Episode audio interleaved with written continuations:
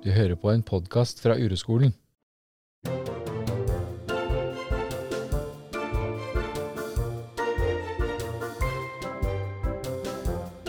I dag så er det mitt forslag eh, til tema, fordi at eh, Rikke har jo en sønn, Andreas, som er fem år. Mm. Og han er født prematur. Og så eh, fortalte Rikke meg at hun var eh, innkalt til sånn prematursjekk. Og så begynte vi å snakke litt rundt det.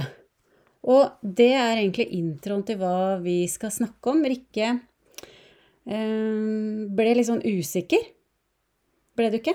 På Jo. om det her er, et, er noe å snakke om. Jeg tror det nemlig er det. Mm. Så jeg har trumfa det gjennom.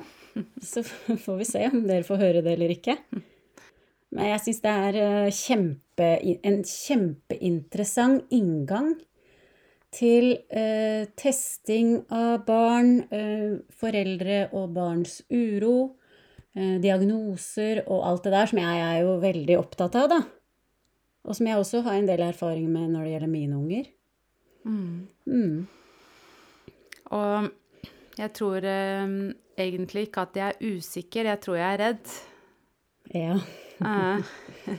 Eh, jeg, kjenner, for jeg kjente det nå når du snakka, så kjenner jeg det skikkelig godt i magen. At jeg At det liksom At det er uro der, da. Ja. Mm. Så jeg tror jeg er redd for å si noe feil, jeg er redd for at noen skal bli liksom krenka, holdt jeg på å si, eller noen skal bli, ikke krenka kanskje, men såra.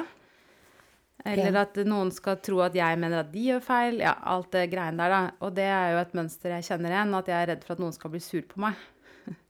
Det lever jeg jo, det er mitt motto i livet. Pass på at ingen blir sur på deg. For da slipper du den eh, klumpen i magen, var det det du sa? Ja, da slipper jeg skyldfølelse da, og ja, alt det der.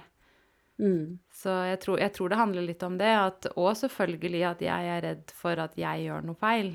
At jeg gjør, eller noe som ikke er noe lurt. Ja, det skjønner jeg. Det kjenner jeg i hvert fall igjen. Jeg kjenner igjen begge deler. Mm. sant? Så kan vi se da om vi kan snakke om det her eh, fra vårt perspektiv. Mm. Og se om det er mulig Er det mulig for oss nå å snakke om det uten å hele tiden prøve å safe, for jeg merker at jeg gjør det eh, hele tiden. Så er jeg sånn Ja, dette er fra mitt synspunkt. Eh, Ja, dette er sånn vi ser det. Dette er ikke for alle. Altså, vi er jo veldig Vi vil jo ikke såre noen. Nei. Vi ser heller ikke noe poeng i å prøve å såre noen. Nei. Altså, det, nei. Det, det gjør ikke jeg heller. Men noen ganger så, så blir man jo provosert av det man hører i de podkastene her. Mm. Jeg blei jo det, jeg. På, på Guro og Guru. Mm. Mm. Ehm, og så kan man jo ta det til seg og se hvordan er det å være meg når eh, Rikke og Monica eh, snakker om noe som er vanskelig for meg, på, og har et annet synspunkt, eller eh, sånne ting. Mm. Eh, og så um,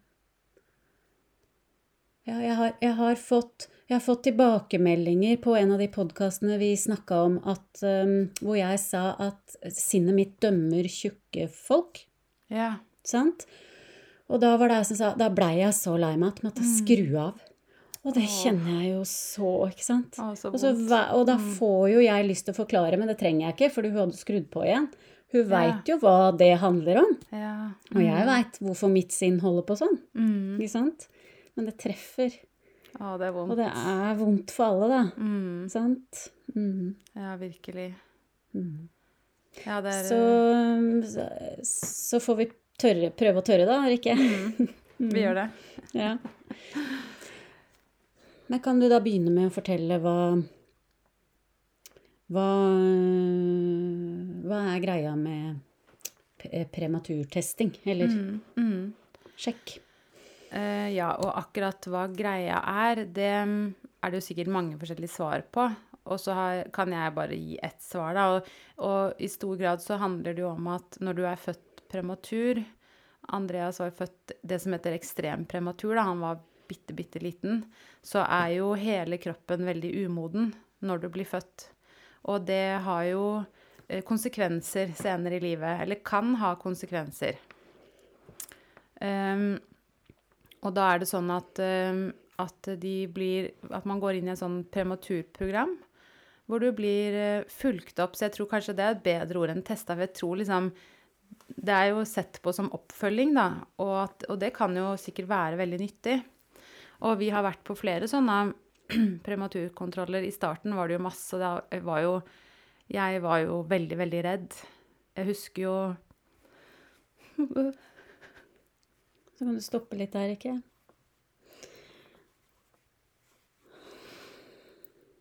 Fordi når han Når han eller når de ble født, da, så er det jo på en måte Alt er kritisk, og du får vite at eh, han hadde en liten hjerneblødning. Og konsekvensen av den vet vi ikke før senere i livet. Det er liksom det de sier om alt. Vi vet ikke før, før på en måte Og så er det jo eh, en ting som, som mange prematur, eller ekstrempremature som kan skje, er jo at de får sånn cere cerebral parese, eller at de um, Ja. Og, så det var også sånn de sa på sykehuset, at uh, vi vet ikke om han kan gå. Det vet vi ikke før han eventuelt går. Om han kan snakke, det vet vi ikke før han eventuelt snakker. Ikke sant? Om han alt, alt, var veldig sånn Vi vet ikke før vi ser det, på en måte, da. Så jeg husker jo på en måte at når han var liten, og når jeg var hjemme, når vi kom hjem og jeg var hjemme med han, da, så var jeg jo veldig Jeg var jo veldig redd, og jeg var veldig liksom Han har ikke snudd seg enda, ikke sant? Han har ikke rulla rundt fra ryggen til magen enda. Hva betyr det? Kanskje, ikke sant? Ja, så da, da var det mye Det var uh, jevnlige kontroller, det har det jo vært. uh, men de var vel hyppigere Jeg husker ikke helt, så, men det var jo hyppigere når han var litt mindre. Og hvor du var på kontroll og testa liksom motorisk, eh, psykologisk og alt det her, da. Og så er det veldig sånn eh, det, det, som i hvert fall jeg fikk med meg, da Jeg vet ikke om det er Kanskje andre ikke har fått det med seg, men jeg fikk med meg at det er ikke så uvanlig at premature blir veldig urolig og får, ad, eller får ADHD, eller at det blir urolig barn fordi at de har vært så umodne. Så det har nok jeg sikkert hatt med meg, ikke sant? at hver gang han har vært litt urolig, så kommer det en tanke om at det er fordi han er prematur, da. Mm. Akkurat som at ikke andre barn er urolige.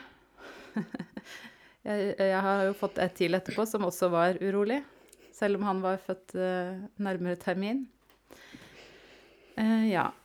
Så, men i hvert fall så var det nå for um, For litt siden så fikk vi innkalling til femårs prematurkontroll, da. Og, så, og de kontrollene har vi vært på før, og det har vært, egentlig bare vært sånn hyggelig. Det har ikke vært noe Men det betyr jo at han, han har på en måte hatt ganske normal utvikling, da. Og så, tok, så satt vi oss ned, Martin og jeg, og snakka sammen om hva gjør vi? Først så var det litt sånn Når gjør vi det? Fordi det må gå opp i hverdagen. Hvem skal dra? Og så begynte vi liksom å snakke om men hvorfor skal vi egentlig det? For vi syns at Andreas er en gutt som er glad og sint og rolig og urolig og liksom Og vi syns det virker som han har det bra, på en måte, da. Og så, og så, bare gikk vi noen runder med oss selv i det liksom Hvorfor skal vi da, da, dra på en sånn kontroll? For det er jo Mye av det er jo også at man kan oppdage ting. Man kan liksom forberede seg på ting, eller Men, men så begynte vi bare å tenke hva, vi, hva hjelper det oss, da? Hvis de sier ja, det kan være at han her har ADHD, eller Altså, ikke vet jeg, men hva hjelper det oss?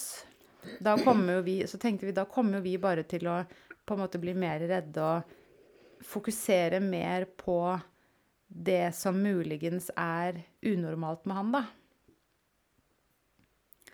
Så da bestemte vi oss for å si at vi ikke At vi takka nei, da. Og det var jo ubehagelig, syns jeg, det òg.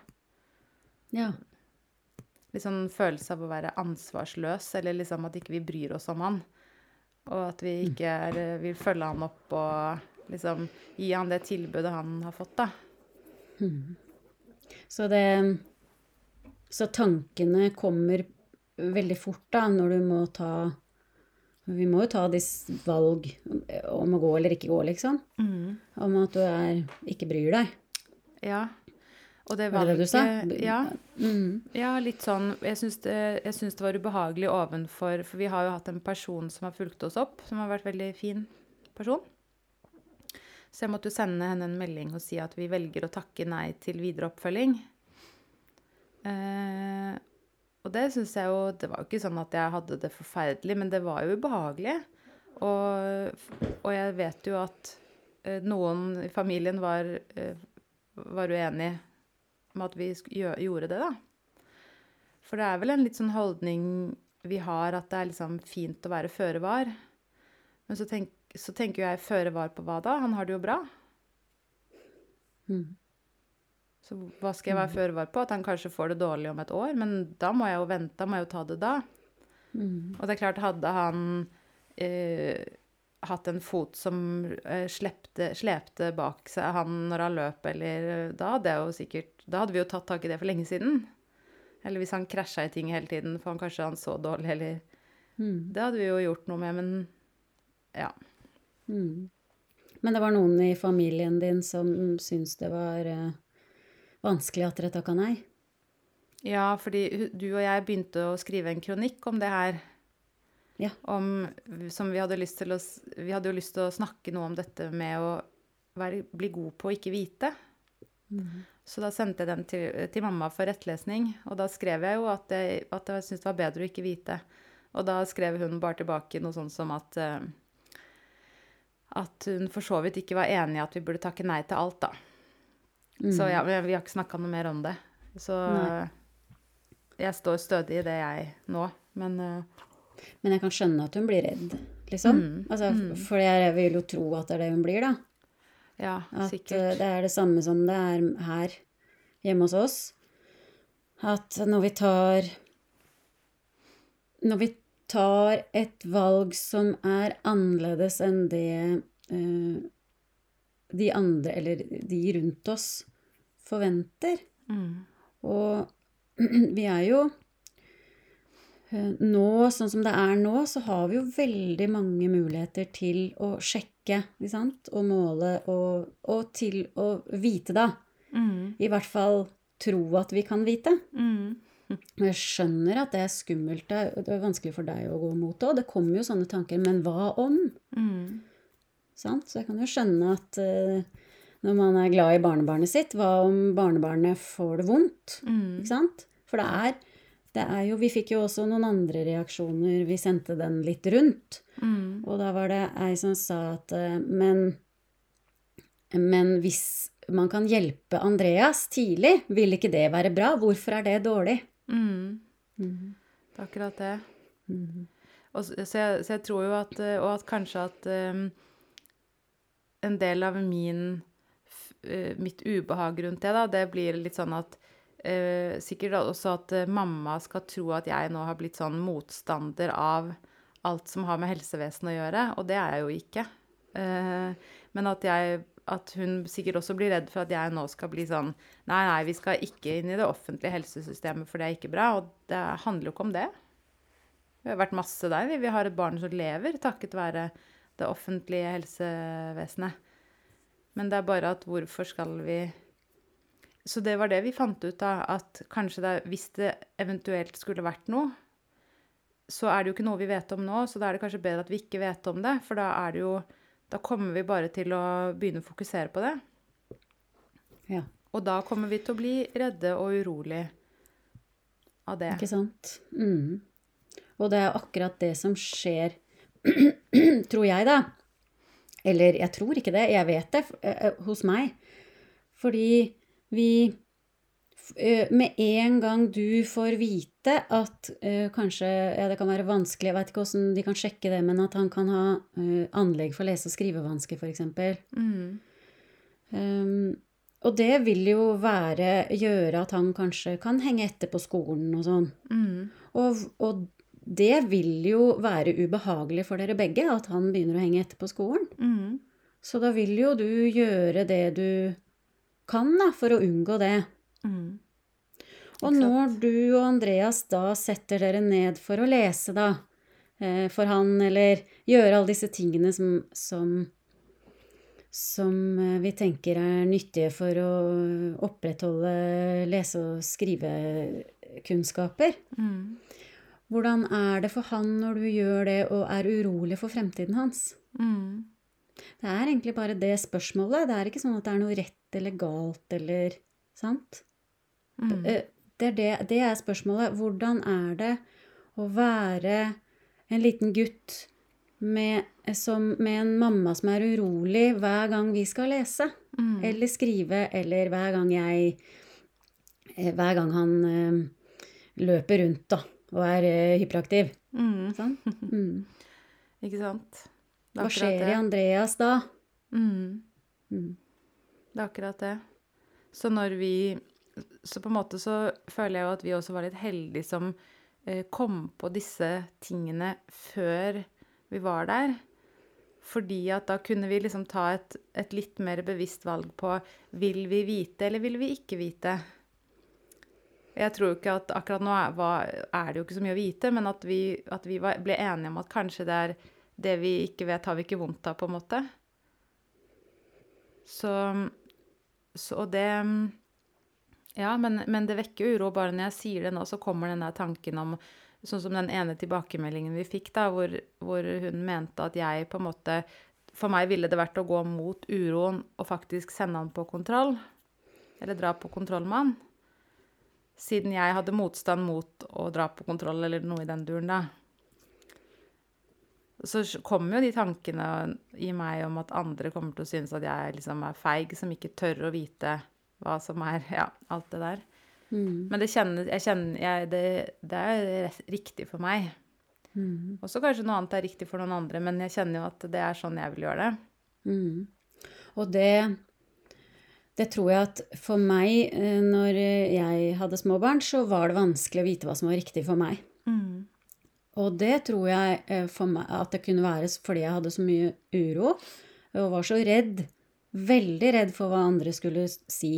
At jeg klarte ikke finne Jeg klarte ikke kjenne etter hva jeg sjøl ville. Jeg hadde ikke sjans, liksom. Jeg var bare redd. Mm. Um, mens nå, når, som du da, som har jobba mye med uro, du kan jo kanskje finne fram til det. Mm. Ikke sant? Mm. Og når vi snakker om det nå, så kommer jeg på fordi når man får ikke sant? Vi bodde jo 120 dager på sykehus med Andreas før vi kom hjem. Fordi han var så syk. Og da En av de tingene som det fokuseres mye på, det er jo vekt og Selvfølgelig, det må man jo, kanskje. Eh, vekt og mat og spising. Og en av de tingene man lærer eller får høre mye om, det er at prematurer kan slite veldig med mat. Eh, delvis fordi han har jo da hatt en respirator ned i halsen i mange, mange uker. Og at det kan irritere liksom spiserør og sånn. Og at det kan gi et, sikkert et sånn kroppslig Kanskje man kunne si at det er en sånn type kroppslig traume, da, ikke sant? At du har hatt noe, at det da senere blir ubehagelig å få noe ned i halsen. Og mm, vi Det var veldig vanskelig med mat og han. Men når jeg ser på det nå, så vet jeg jo ikke om det er sånn, men det er jo en interessant tanke, da. At jeg var jo livredd og urolig for at han ikke ville klare å spise. Og, og det var jo Husker jo liksom Rundt måltidene så var jeg så urolig. Jeg var skikkelig Jeg husker en gang som jeg satt og prøvde å gi ham mat, og han snudde hodet sitt og ville ikke ha. Og jeg husker liksom Jeg, jeg var så sint at da jeg husker jeg liksom gikk ut på Jeg bare reiste meg i sånn kjempesinn eller uro eller Og gikk ut på verandaen og smalt igjen døra. Så den døra ble faktisk ødelagt. Det vet ikke Martin at det var derfor. Jeg bare sa at den plutselig var ødelagt. og da, da ringte jeg, sendte jeg melding til Kasper og spurte om, kunne, om vi kunne ta en time. da. Husker jeg hadde lyst til å holde fast hodet hans og trykke den skjea inn i munnen hans. ikke sant? Og så jobba jeg jo mye med det, da. Min uro rundt det, og mye av det var jo på en måte min egen uro og min egen historie med mat, og mine egne på en måte minner fra hele tiden på sykehuset, da, ikke sant? Og nå så spiser han elsker jo mat. Han spiser alt og Ikke sant? Nå, det er jo fem år senere, og, og han har selvfølgelig blitt større, og, men jeg har også jobba mye med min uro rundt det, da. Sånn at uh, Hvordan hadde det vært hvis jeg ikke visste at det kunne skje, liksom? Men jeg skjønner jo at, at sykehuset tenker at det er viktig informasjon for foreldrene, og det er jo kanskje det. Men eh, Ja, altså det er jo viktig, for hvis han ikke tar til seg næring, så må man gjøre noe annet, ja, liksom. og det, det gjorde han jo. Så det, mm, ikke sant? Men hva det vi ikke vet, men som det går an å undersøke, er hva gjør den uroen din med Andreas når han kjenner din uro i seg? Sant? Dere kjenner hverandres uro. Det, det er liksom Tilknytningen mellom mor og barn eh, er så Den er så tett at eh, som vi sa i en annen podkast, Ida kjenner min redsel når hun er 20 år, liksom. Så når lille Andreas kjenner den uroen i seg når han skal spise, så er det jo kanskje ikke noe rart at han, at han ikke vil spise, liksom. At han vil vekk fra det. Det er akkurat det. Han kjente jo sikkert, fordi jeg husker jo Jeg hadde det jo generelt ikke godt, da. Men jeg husker jo at tanken på måltider gjorde meg veldig urolig, liksom. Så det er klart at det Det ha, må jo ha Det må jo påvirke han, liksom. Jeg kan ikke skjønne noe annet, da. Nei. Og det gjør, jo, det gjør jo noe med meg Han kjenner min uro, men han ser jo også meg, mitt kroppsspråk og Ikke sant? Alt som er, da. Så jeg skjønner jo at et barn ikke vil spise når mamma er, er irritert og lei seg, liksom. Så Men ja, så det, så det er jo Men det er søren meg liksom ubehagelig, da, å skulle gjøre noe annet enn det som forventes. Det går jo litt på det. Å ta et annerledes valg. Men det du gjør, sånn jeg ser det, da, er jo å la Andreas være Andreas, sånn som han er akkurat nå. Og akkurat nå har ikke Andreas eh, lese- og skrivevansker. Han kan jo ikke lese og skrive, Ikke sant? Ja. Og akkurat nå så har han eh, er han bare helt normal. Og så vil sinnet ditt hekte seg på hver gang han hyler som en stukken gris, eller, eller alt det der. Og kanskje det er unormalt, kanskje det er øh, fordi. Så Sånn funker menneskesinnet. da. Vi vil sette ting i bås. Vi vil ha en forklaring. Sant? Ja. Jeg har jo mange ganger sagt og tenkt at han er urolig, og det er ikke så uvanlig for premature. Ikke sant? At jeg liksom har laga en, en slags forklaring for meg selv og for andre, da. Og kanskje er det sånn at tanken på at han bare er urolig uten noen forklaring, det er på en måte Det er vondere, liksom. Så Og så vet jo ikke jeg. Jeg vet jo ikke åssen han hadde vært hvis han var født til termin. Kanskje han hadde vært helt lik som han er. Det kan du ikke vite, da. Så det er jo akkurat det. Hvordan er det å være deg når du ikke vet? Ikke sant? Ikke sant? Mm. Og da, da kommer jo det samme som, som du har snakka om før, og liksom den derre frykten for at, at det ikke skal gå bra. Ja, det er det, er jo det, det er jo ikke noe rart at vi har det for barna våre. Ikke sant? Og så det som vi ofte snakker om, er jo det å vende tilbake til ja, men hvordan er det nå? Hvordan er det å være deg akkurat nå? Og hvordan er virkeligheten akkurat nå? Og virkeligheten akkurat nå er jo at øh, han er fin. Mm. Uh eller, og, så det er noe med å Men det er jo ikke så lett, da. Særlig når man skal kartlegge fremtiden, liksom. Så, dere kan, så det dere velger, eller prøver å stå i, da, er å ta ansvar for deres egen uro istedenfor å la Andreas ta den. Sant? Det er det det handler om. Og det er ikke noe lett oppgave. Du ser jo det, at alle rundt deg blir redde òg, ikke sant? Mm. Og vi tenker at dette er den eneste veien. Og det er ikke sånn at det er noen ting som er den eneste veien. Verken vår vei eller noen andres vei. Sant? Men, men å gå mot det som er normen, er jo veldig vanskelig. Ja, absolutt. Det er jo ubehagelig å gå ut med en rosa hatt, liksom. Ikke sant? For, noen, for de fleste, i hvert fall. Så Men, men, eh, men Andreas er prematur, og der er det jo et eget eh, liksom, løp for de. mm, Um, og så tenker jeg at dette løpet uh, kjører vi jo ikke på friske eller liksom barn som ikke som er født i termin og sånn, men vi gjør jo egentlig det. Ja, i litt mindre grad. Eller i litt uh, Ja. Mm. Mm, med kontroller og Mm. mm, Jeg spilte inn en podkast eh, om sønnen min, og, eh, hvor jeg tok utgangspunkt i liksom hvordan vi begynte å sjekke og teste han, eh, og alle andre barn, da, fra han var eh, nyfødt. mm, Eh, eh, og den podkasten ville ikke Jonas at jeg skulle legge ut. Men det fikk meg Altså, eh, etter den podkasten har jeg tenkt som veldig mye, altså. For da, da tok Vi snakka om om det i kronologisk rekkefølge, da. mm, Eh, og det kan jeg jo si litt om. Ikke for Jonas, men for alle barn, da. Hvordan vi i, på, begynner på helsestasjonen. mm, Eh, og veier og måler friske barn.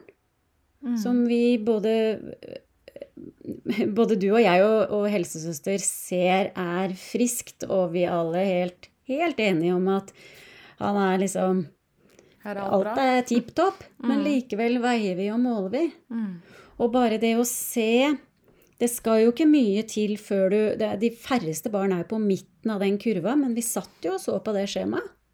mm, Ikke sant? Og jeg husker jo det var noen som så at barna lå lavt på det skjemaet. Og noen lå veldig høyt. mm. Og hva gjør man med det? Når man ammer, liksom? Skal jeg amme litt mindre? Ja. Jonas lå jo litt høyt på den kurven, ikke sant? Han spiste godt, og han var jo den eh, gladklumpen, liksom. Mm, Men det satte en bitte liten tanke i meg. ja. Hva Mm. slags tanke da? En tanke om at eh, ok, han er litt stor, ja. Ja, det er jo Det Det må vi liksom passe litt på. Ja. Det, Mm. det, det var en tanke som kom hver gang vi spiste etter det, liksom. Var det det, ja? Mm. Mm. Ja, ja. Det er klart det. Det, det er ikke til å unngå. Ja, jeg uh, har det jo ikke sånn. Johannes, han siste, har jo vært eh, øverst på kurva. Og jeg syns det bare er så deilig. Men det har kanskje noe med min historie å gjøre, da. Det er klart det. Ja. Mm. og jeg bare syns det er så digg. I dag spiste han fire brødskiver til frokost. Jeg syns det, helt- det er så deilig. Mm. Men eh, ja, det har klart for meg hadde kanskje gitt mer uro hvis han var nederst på kurva. Antageligvis. Mm. Mm. Men ja, jeg ser poenget ditt, da. Og jeg, jeg har en venninne som, som har et barn som var nederst på kurva, eller er kanskje. Og de har vært inne oftere da, til kontroll fordi at de ville følge med på helsestasjonen. Og jeg tror jo at det har gjort eh, eh, Laga et drama i min venninne. Eh, nå, jeg kan ikke snakke for henne, men jeg vil jeg vil i hvert fall anta at det er sånn. ikke sant? At du, at du får et drama inni deg om at jeg må passe på at barnet mitt eh, fortsetter å gå opp i vekt og vokser som normalt. Og så når vi har snakka om det, så har så, Og jeg kjenner jo denne, dette barnet, og hun er jo elsker mat og spiser mat og er glad og aktiv og sinna og blid og helt normal, ikke sant? Og at, der, og at hver gang før en ny kontroll Og det, sånn husker jeg det jo akkurat sånn med Andrea også. For da var vi på kontroll i starten var det en gang i uka, og så blei det en gang i måneden eller noe etter hvert. da. Men da før kontrollen så blei jeg jo mer urolig, på en måte spent, og det er jo egentlig bare urolig. Da var det det, på om han hadde gått opp i vekt. Og hvis han hadde gått opp, så var det veldig tilfredsstillende der og da. Og hvis ikke, var det jo ikke tilfredsstillende. Mm. Mm. Ikke sant? Så, Så, så, det- så igjen, da, jeg tror at den uroen Når barna merker det, så blir det Eh, da, eh, da vil du kanskje bare Når du har så mye fokus på det, bare øke, øke problemet du er ute etter å løse, Mm. ikke sant? I anførselstegn. Eller i hvert fall at vi som foreldre får mer uro, og på en eller annen vis forplanter den seg videre, da. Kan jo være at den forplanter skal vi ikke ha uro annet der, ikke? Nei. Nei, nei, nei. Nei, men det er det som er, det er det, det er det vi får, da, når vi snakker om det her. Ja, men skal dere ikke ha uro, da? Ja, ja ikke sant. Sånn, ja. Mm. Jo da, men det har vi jo. Det er sånn mange pleier å si da, når vi gir oppgaver. Så sier de ja, men jeg har jo nok uro allerede. Trenger jeg mer da? Nei da, men uro har vi jo uansett. Men at det, vi uansett. Kanskje vi Mm. kan si at det blir Det er nesten uunngåelig at det ikke blir et drama ut av Mm. det. Ikke sant? Og det er nesten uunngåelig at vi ikke klarer å ta eh, Ta ansvar for den uroen som kommer til å komme. Mm. Og da legger vi det dramaet og den uroen over på barna våre istedenfor å ta ansvar sjøl. Det er jo det, ikke sant? Mm. Og, og nå jo, står jeg overfor at Johannes har blitt kalt inn til toårskontroll. Ja. Så fint at du sier nå, det. nå sier tankene mine Nå utleverer du for mye, ikke. Ja. Så jeg har takka Nei, jeg har sagt at ikke det passer. Men jeg har fortsatt ikke For egentlig har jeg litt lyst til å si jeg tror vi, vi trenger ikke det. Og for meg det går- like mye på sånn Ja, det er hyggelig å komme på helsestasjonen og si hei, men jeg har andre ting å bruke dagen min på. Og han har det jo fint. Han er jo også sinna og glad og alt som er. Mm. Så um, Men ja, da kommer det kommer jo det samme igjen. Så tanker om at jeg er en mor som ikke bryr seg. Mm. Ikke sant. Så kan, vil du ha det, da? Eh, jeg kan ta det. Men nei, automatisk vil jeg jo ikke ha det. Mm. Så det er det å øve på det, da. Mm. Mm. Så skal jeg heller oppsøke det hvis det er noe jeg lurer på. Liksom. Hvis det er noe som jeg bekymrer meg for. Så kan jeg jo bare Mm. da, da hadde jeg jo ikke venta til en kontroll. Da hadde jeg jo ringt legen og sagt det er noe som jeg vil jeg ha hjelp til her. Mm. Mm. Mm. Så Men ehm, Jo, det var det jeg skulle si. Vi fortsetter jo med denne testingen opp, og det, det er jo en av mine fanesaker, akkurat det. Jeg ser jo at eh, ehm, Jeg har jo en jeg kjenner som er blitt veid på helsesøsters kontor når hun var 14 år, liksom. mm. Og det Det er så vondt. Da, jeg blir så, da, eh, da blir jeg veldig Det kjenner jeg, altså. At jeg Ja. syns det er så vondt. Mm. Når du får beskjed om at du ikke veier riktig, da. Ja, Enten den ene eller den andre veien. ikke sant. Og hva kan Mm. man gjøre Det er jo det som er spørsmålet. Hva, kan man, hva skal man med den informasjonen? Du ser jo antageligvis at noen er veldig tynne eller er overvektige eller Ja. Det er jo ikke, Ikke det sant. det handler om. Det er ikke det det handler om.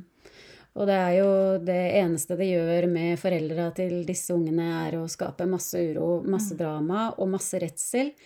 Eh, og problemene bare forsterker seg fordi vi er så redde, ikke sant. Mm. Og det var det som skjedde etter barnehagen òg, for allerede i barnehagen så har man et sånt skjema. Så man skraverer et sånt rundt skjema hvor man skraverer Jeg lurer på om det het tras eller trap eller et eller annet sånt noe. Eh, Som man skrav- skraverer hva ungene kan. Sant? Har tydelig uttale, og så skraverer eh, sånn og sånn sosialt, da. Jeg husker jo hvordan dette så ut. Jeg bare husker at det var mye som ikke var helt farga på Jonas.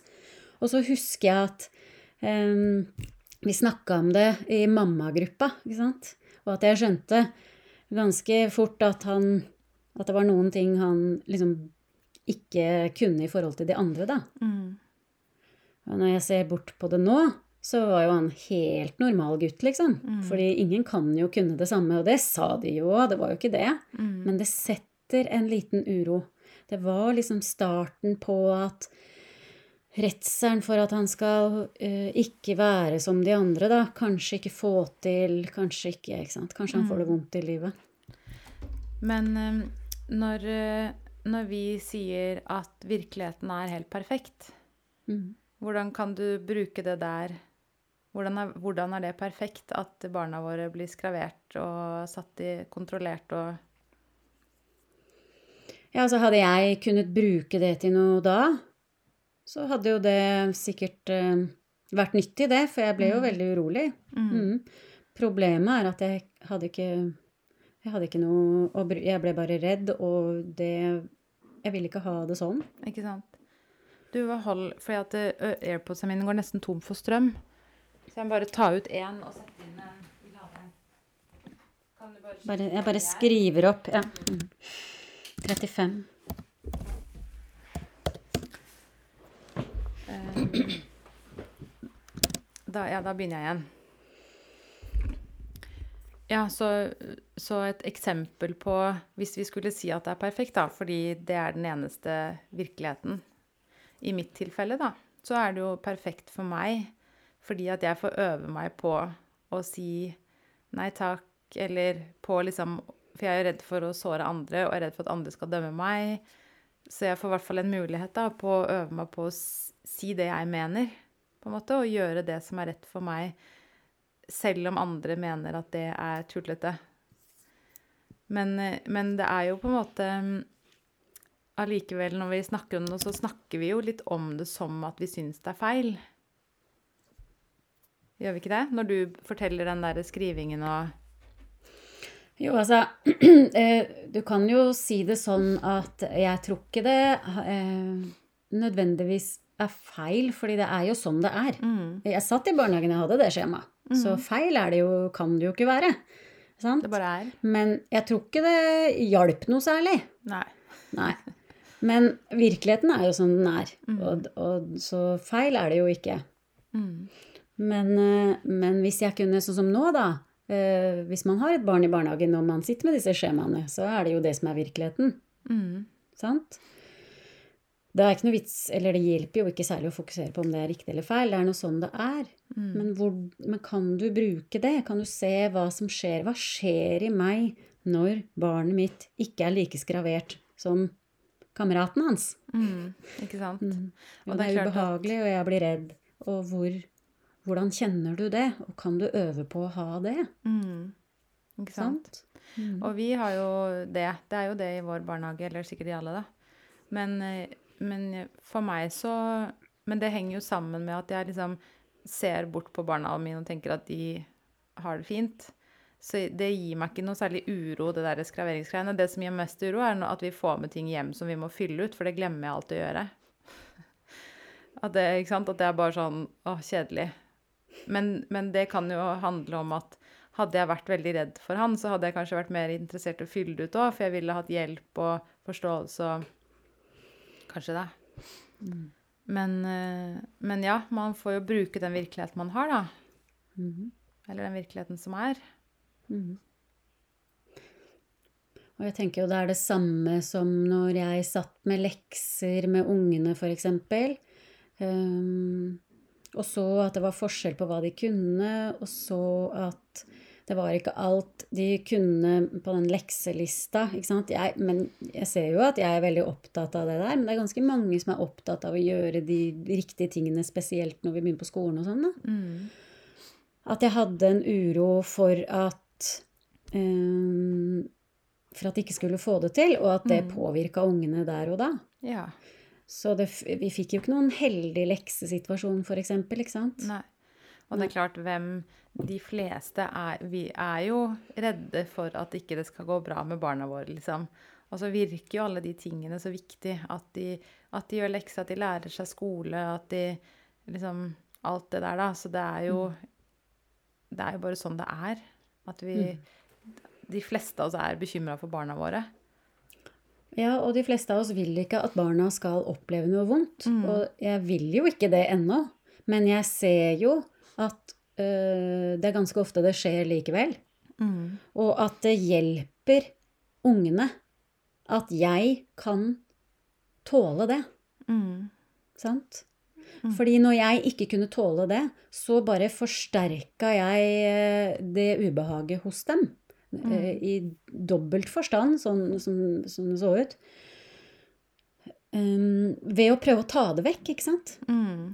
Mm. Og sånn som her i Dette er sikkert sagt før òg, men sånn som her i uroskolen, da, og sånn som du Du ser jo at veien til et bedre liv, veien til et liv som er mer tilfreds, eh, hvor du faktisk kan ta valg eh, og finne frem til alt det du driver med her i livet ditt, da. Mm. Det er gjennom ubehag, uro og ha det vondt. Mm. Og kan, bør ikke da også ungene våre kunne ha det sånn? Mm. Skal vi ta fra de muligheten til et tilfredsliv? Når du sier det sånn, så er det vel ikke så mange som vil svare nei på det. Nei, jeg mener ja. Nei. Men ja, det Men jeg sier ikke at det er lett for det. Nei, nei. Nei. Det er virkelig en treningssak å ikke Det er jo veldig reaktivt å fikse opp for dem. Det er veldig reaktivt å prøve å fikse en fremtid Mm. uh, som du ikke vet noe om. Mm. Sant? Og vi vet ikke hva uroens rolle er i alt dette her. Men vi begynner jo å få en liten anelse. Men uh, jo mer jeg tenker på det og ser på det og erfarer sjøl og erfarer andre, så ser jeg at uroen spiller større og større rolle da. I menneskers liv, liksom. At den har mer å si, da. At vi um, og det er mange som fnyser av meg når jeg sier det, men jeg ser det på alt. På, I politikken og med krig og med natur og alt. da. Mm. Den uroen vi har, og forsøket på å komme unna. Mm. Hva det, Alt det vi holder på med, har ført oss hit vi er nå, da. Og, Mm. og, og det er ganske mange barn som strever om dagen. Hvis du skal se på de statistikkene som kommer av medisinbruk og sånn. Ja, uten tvil. Og det er, er nok mange foreldre, eller mange mennesker, som Jeg tror jo vi Jeg vet ikke om vi har mer uro enn før, men det ser litt sånn ut at vi har flere elementer i livet. Og vi har mange flere ting som, som kanskje ikke hjelper oss i særlig stor grad, da. Og, at, og kanskje at vi Ehm, jeg, ja, det er jo kanskje en annen diskusjon, det, og en lang diskusjon, ikke sant? Hvordan vi eh, nå har, får mulighet til å trene opp oppmerksomheten vår. Vi har, vi har få steder hvor vi trener på å ha det ubehagelig. Jeg tenker på, tenk før, bare sånne enkle ting som at man, det var kaldere hjemme, man hadde mindre mat. Man måtte være sulten, man måtte være kald, man måtte ut og hente ved. man måtte, Nå er det bare å skru på varmepumpa. Det, det hadde egentlig vært gøy å lage litt sånn podkast og, og bare filosofere rundt akkurat det. Så det er jo litt spennende. Mm. Selv om vi ikke kan vite det, da, så, ser det, så er det som du sier, da, det er jo flere og flere mennesker som har mer uro. Og, og det er jo en, en lik linje for meg, da, med at det er flere mennesker som får diagnoser. Mm. Ikke sant? Så um, det er jo veldig nyttig, da, hvis man kan Hvis man tror på det, og hvis man vil se på det i sitt eget liv. Det er jo i hvert fall en annen måte å tenke på. Eh, og vi har jo enda flere muligheter til å fjerne oppmerksomheten fra det som er vondt òg, ikke sant? Med, med mobiltelefoner og øh, klokker og alt det, det der, da. Mm. Og jeg ser jo det, at det er jammen meg vanskelig, liksom, å bruke viljen til å ikke sitte på mobilen hele tida. Mm. Ja, fy Å kjede seg er, gjør, gjør, trenger vi jo ikke gjøre. Men verdien i å kjede seg tror jeg er ganske stor, altså. Mm. Mm, uten at vi skjønner helt det. Vi, er det nødvendig å kjede seg når man ikke må? Men jeg tror kanskje kjede seg er en sånn grunnmurrig, liten uro som man har, da, som er nyttig å ha der. Absolutt. Men jeg vet ikke. Men uansett. Mm. Så kunsten å ikke vite, da. Kanskje alle som hører på, kan liksom se på sitt eget liv og se hva er det jeg prøver å finne ut av eller holder på med, bare fordi at det er ubehagelig for meg å ikke vite. Eh, vi kunne jo gitt et forslag. Du kan slette Yr-appen. Hvordan er det å være deg når du ikke vet hvordan været skal bli? Ikke sant? Eller du kan eh, Hva annet er det vi vet hele tiden? Du kan Ja, nei Hva var det du tenkte på? Nei, jeg tenkte på um, de der klokkene som sier om vi har sovet godt eller sovet dårlig, eller Kan du, Kaste klokka. kan du kan, Ja, tråkke på Nei, men kan du Er det mulig å undersøke hvordan det er i kroppen din når du har sovet dårlig? Mm. Eller når du Ikke sant? Er det, jo- å, er det mulig å gå ut og se eh, hvordan er det å være meg når jeg ikke veit om det skal regne på torsdag? Og Jeg øver veldig på det med yr, skjønner du. ja. Um, spesielt før vi skulle på ferie og sånn. Mm. Men det er når jeg, hadde, når jeg hadde fokus på akkurat det, å kutte ut yr, så legger jeg merke til hvor mange det er som snakker om hvordan været kommer til å bli. Ja. Og så begynte jeg å bli irritert på det. Jeg bare, faen. Her prøver jeg å unngå Jeg prøver å gå ut og se opp. Ja. Regner det, liksom? Mm. Men så er det eh, til og med naboen på jobben, altså ungene, alle er opptatt av hva slags vær det blir til helga. Skal vi finne på noe til helga for det blir fint vær? Akkurat det. Og jeg har jo holdt på med det der med klokke. Det er noen år siden jeg slutta å bruke sånn klokke. Jeg, bruk, jeg hadde en kort karriere, men jeg skjønte jo fort hva den gjorde med meg.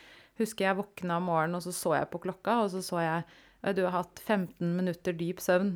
Og så snudde jeg meg og sa til Martin jeg har hatt bare, sovet, hatt bare 15 minutter dyp søvn. Dette kommer til å bli en jævlig dag. I dag kommer jeg til å være trøtt i hele dag. Så åssen går det da, liksom? Og det samme med mm, løping. Det har jeg jo egentlig også litt lyst til å lage en egen podkast om, da. For jeg syns det er så gøy. Men, eh, men da også drev jeg jo og logga og tracka og visste hvor langt og hvor fort og alt sånn.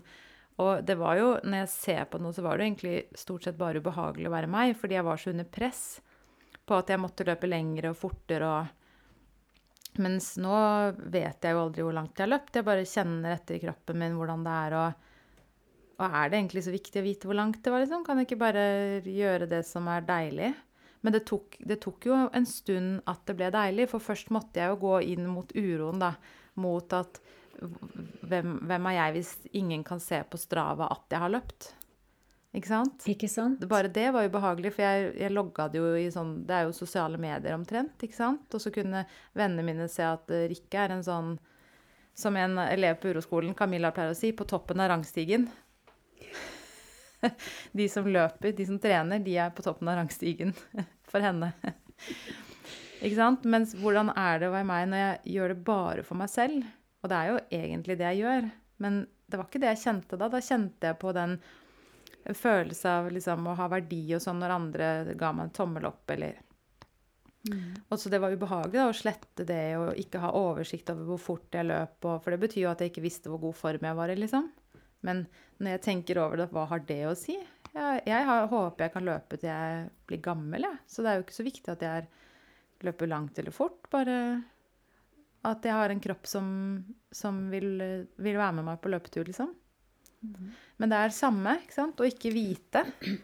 Men jeg trodde jo at jeg ikke hadde noen sånne ting, jeg. Ja. Men vet du hva jeg kommer på?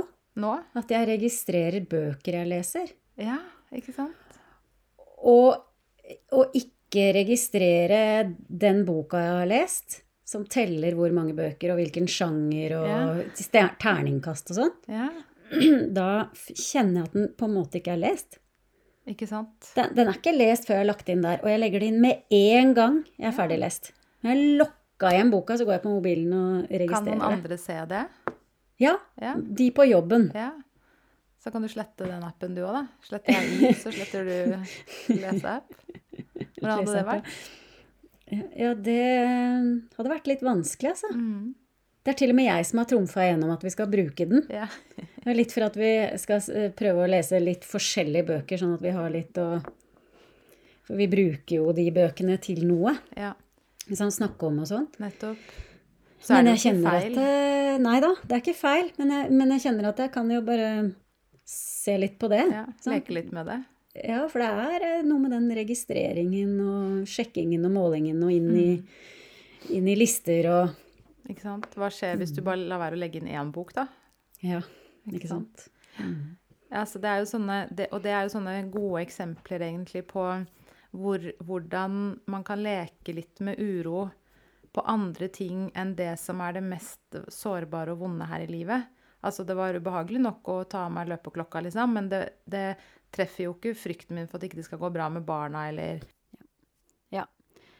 Så det vi kan øve på, da, er egentlig bare å se hva er det vi driver med for å prøve å kontrollere fremtiden? Hva er det vi øh, gjør øh, når vi Eller hvordan er det å være oss når vi ikke vet hvordan fremtiden skal bli? Og hva slags tanker kommer, hva er det vi gjør, og hvordan er det i kroppen? Det er, handler egentlig bare om å undersøke det. Er det ubehagelig i kroppen din? Ja eller Mm. nei? Som vi alltid sier. Uh, og er det det, så kan du øve på å kjenne på hvordan det er. Og det er ikke sånn at du kanskje klarer å endre noen ting, eller Men du kan undersøke og bli kjent med den. Det er som første steget, da.